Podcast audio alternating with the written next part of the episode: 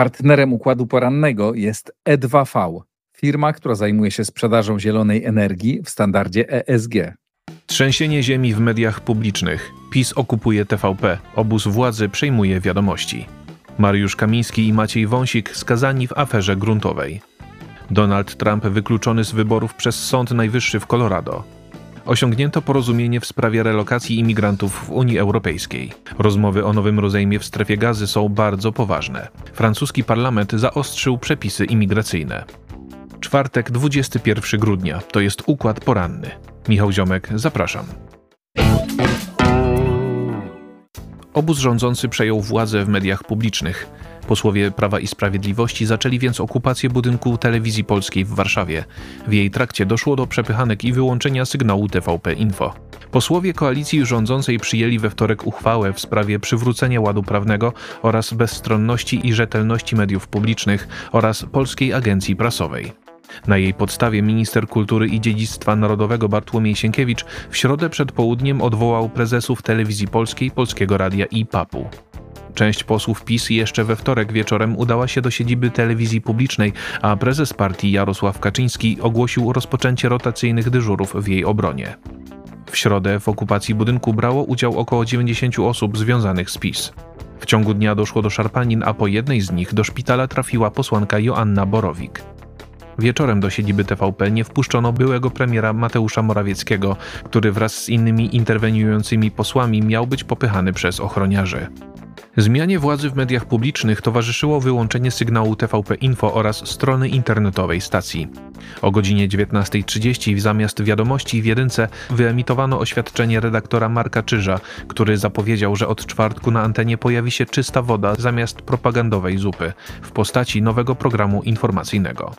W tym samym czasie prezenterzy TVP pojawili się na antenie telewizji Republika w ramach specjalnego wydania wiadomości.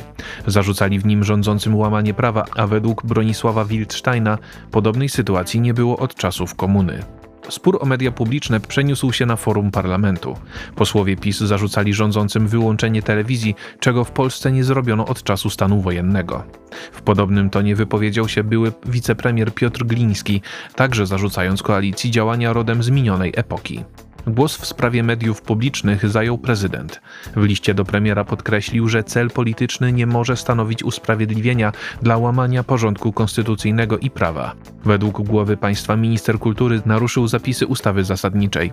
Szef rządu w odpowiedzi stwierdził, że działania nowej koalicji w TVP i Polskim Radiu mają na celu przywrócenie ładu prawnego i zwykłej przyzwoitości w życiu publicznym. Ostry spór ma także miejsce w PAP. Dotychczasowy prezes Wojciech Surmacz rozesłał list do pracowników agencji, w którym wzywa ich do ignorowania poleceń nowego szefa Marka Błońskiego. Były szef Centralnego Biura Antykorupcyjnego Mariusz Kamiński i jego zastępca Maciej Wąsik usłyszeli wyroki dwóch lat więzienia za udział w tzw. Tak aferze gruntowej. Według kancelarii prezydenta obaj posłowie Prawa i Sprawiedliwości zostali ułaskawieni, a decyzja prezydenta Andrzeja Dudy w tej sprawie wciąż obowiązuje. Afera gruntowa w 2007 roku zakończyła się dymisją wicepremiera i ministra rolnictwa Andrzeja Leppera.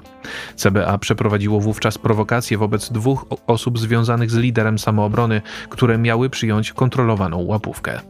W 2015 roku sąd pierwszej instancji uznał te działania za nielegalne, skazując Kamińskiego i Wąsika na trzy lata więzienia za przekroczenie uprawnień.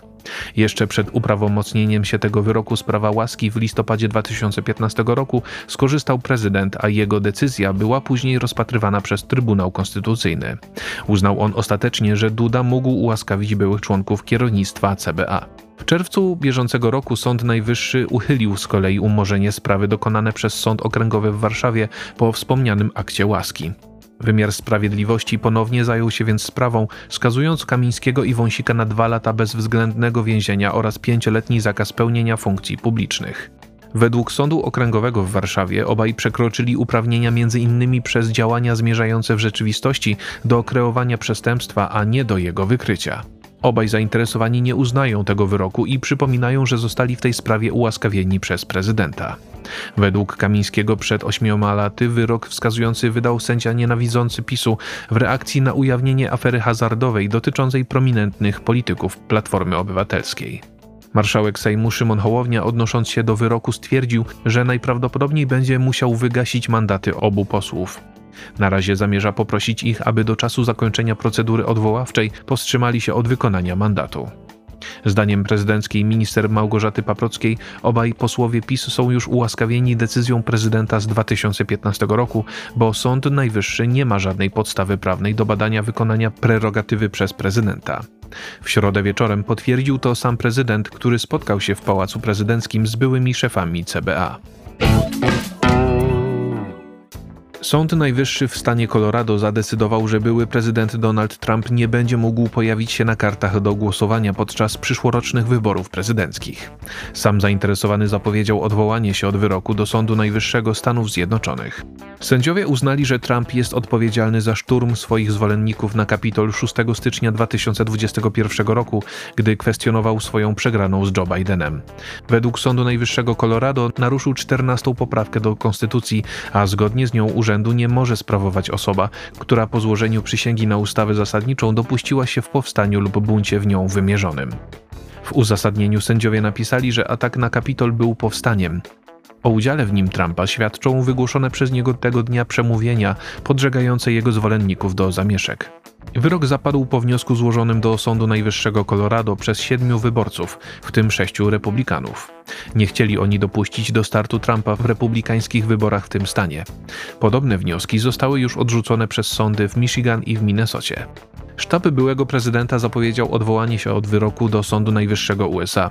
Nawet niekorzystny dla Trumpa werdykt nie musi oznaczać jego wykluczenia z przyszłorocznych wyborów, bo znajdzie się on wówczas tylko na listach do głosowania w jednym stanie. Państwa członkowskie Unii Europejskiej, Komisja Europejska i Parlament Europejski osiągnęły porozumienie w sprawie nowych przepisów migracyjnych. Zakładają one m.in. relokację imigrantów pomiędzy poszczególne kraje. Wstępna zgoda zainteresowanych stron przewiduje nowelizację pięciu aktów unijnego prawa. Dotyczą one kontroli imigrantów po ich przyjeździe na terytorium Unii Europejskiej, zbierania danych biometrycznych, procedur składania wniosków o udzielenie ochrony międzynarodowej, określania w jakim państwie powinni oni złożyć odpowiednie dokumenty, a także wzajemnej współpracy członków wspólnoty. Największe kontrowersje wzbudza ostatnia z kwestii. Nowe rozwiązania przewidują, że w ramach zasady solidarności każde państwo unijne musiałoby przyjąć część osób, które uzyskały prawo do azylu. W przeciwnym razie będzie ono musiało wpłacić określoną sumę do wspólnego budżetu. Autorzy projektu zmian w przepisach Unii Europejskiej twierdzą, że nie rezygnują z innych metod walki z kryzysem migracyjnym. Współpracują więc z krajami pochodzenia imigrantów i starają się zwalczać proceder przemytu ludzi. Ponadto na granicach zewnętrznych wspólnoty mają być zatrzymywane osoby mogące stanowić zagrożenie dla bezpieczeństwa lub pochodzące z bezpiecznych państw pokroju Turcji czy Indii. Rzecznik amerykańskiej Rady Bezpieczeństwa Narodowego John Kirby powiedział, że rozmowy na temat kolejnego zawieszenia broni w strefie gazy są bardzo poważne. Potwierdził w ten sposób medialne doniesienia o postępach w negocjacjach. Stany Zjednoczone od kilku tygodni wywierają presję na Izrael w sprawie przerwania ataków na palestyńską enklawę. Pod koniec listopada Izrael i Hamas zgodziły się na kilkudniowe zawieszenie broni, ale nie udało się go przedłużyć. Według rzecznika Rady Bezpieczeństwa Narodowego USA toczące się obecnie rozmowy są bardzo poważne i istnieje duża szansa na ich pozytywne rozstrzygnięcie nowego rozejmu i uwolnienia zakładników przetrzymywanych przez Hamas dotyczyły poniedziałkowe rozmowy premiera Kataru oraz szefów amerykańskich i izraelskich służb wywiadowczych, które odbyły się w Warszawie. Francuski parlament zaostrzył przepisy imigracyjne. Nowe prawo forsowane przez prezydenta Emmanuela Macrona wzbudziło kontrowersje wśród części polityków jego ugrupowania. Regulacje przyjęte przez Zgromadzenie Narodowe pozwolą na szybsze wydalanie nielegalnych imigrantów, ustalenie kwot imigracyjnych, utrudnienie otrzymania obywatelstwa przez dzieci imigrantów oraz spowolnią proces otrzymywania świadczeń socjalnych przez obcokrajowców. Zdaniem krytyków nowe prawo jest daleko posuniętym ukłonem w stronę radykalnej prawicy. Podczas prac nad przepisami pod naciskiem narodowców Marine Le Pen zrezygnowano na przykład z ułatwień w wydawaniu zezwoleń na pracę dla obcokrajowców w sektorach odczuwających niedobory pracowników. Sama szefowa Zjednoczenia Narodowego uznała przegłosowanie ustawy ideologicznym zwycięstwem swojego ugrupowania. W ramach sprzeciwu wobec ustawy z funkcji ministra zdrowia ustąpił Aurelien Rousseau. Podczas głosowania w parlamencie nie otrzymała ona poparcia 37 posłów należących do centrowej partii Macrona. Sam prezydent broni nowych przepisów. Macron podkreślił, że polityka jest sztuką kompromisu i on sam nie jest zadowolony ze wszystkich zmian, ale uchwalenie ustawy było potrzebne w celu przeciwdziałania nielegalnej imigracji. Informacje przygotował Maurycy Mietelski. Nadzór redakcyjny Igor Jankę. Jeżeli podoba się Państwu nasza praca, serdecznie zachęcam do wsparcia Układu Otwartego w serwisie patronite.pl.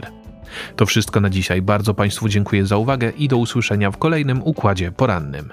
Partnerem układu porannego jest E2V, firma, która zajmuje się sprzedażą zielonej energii w standardzie ESG.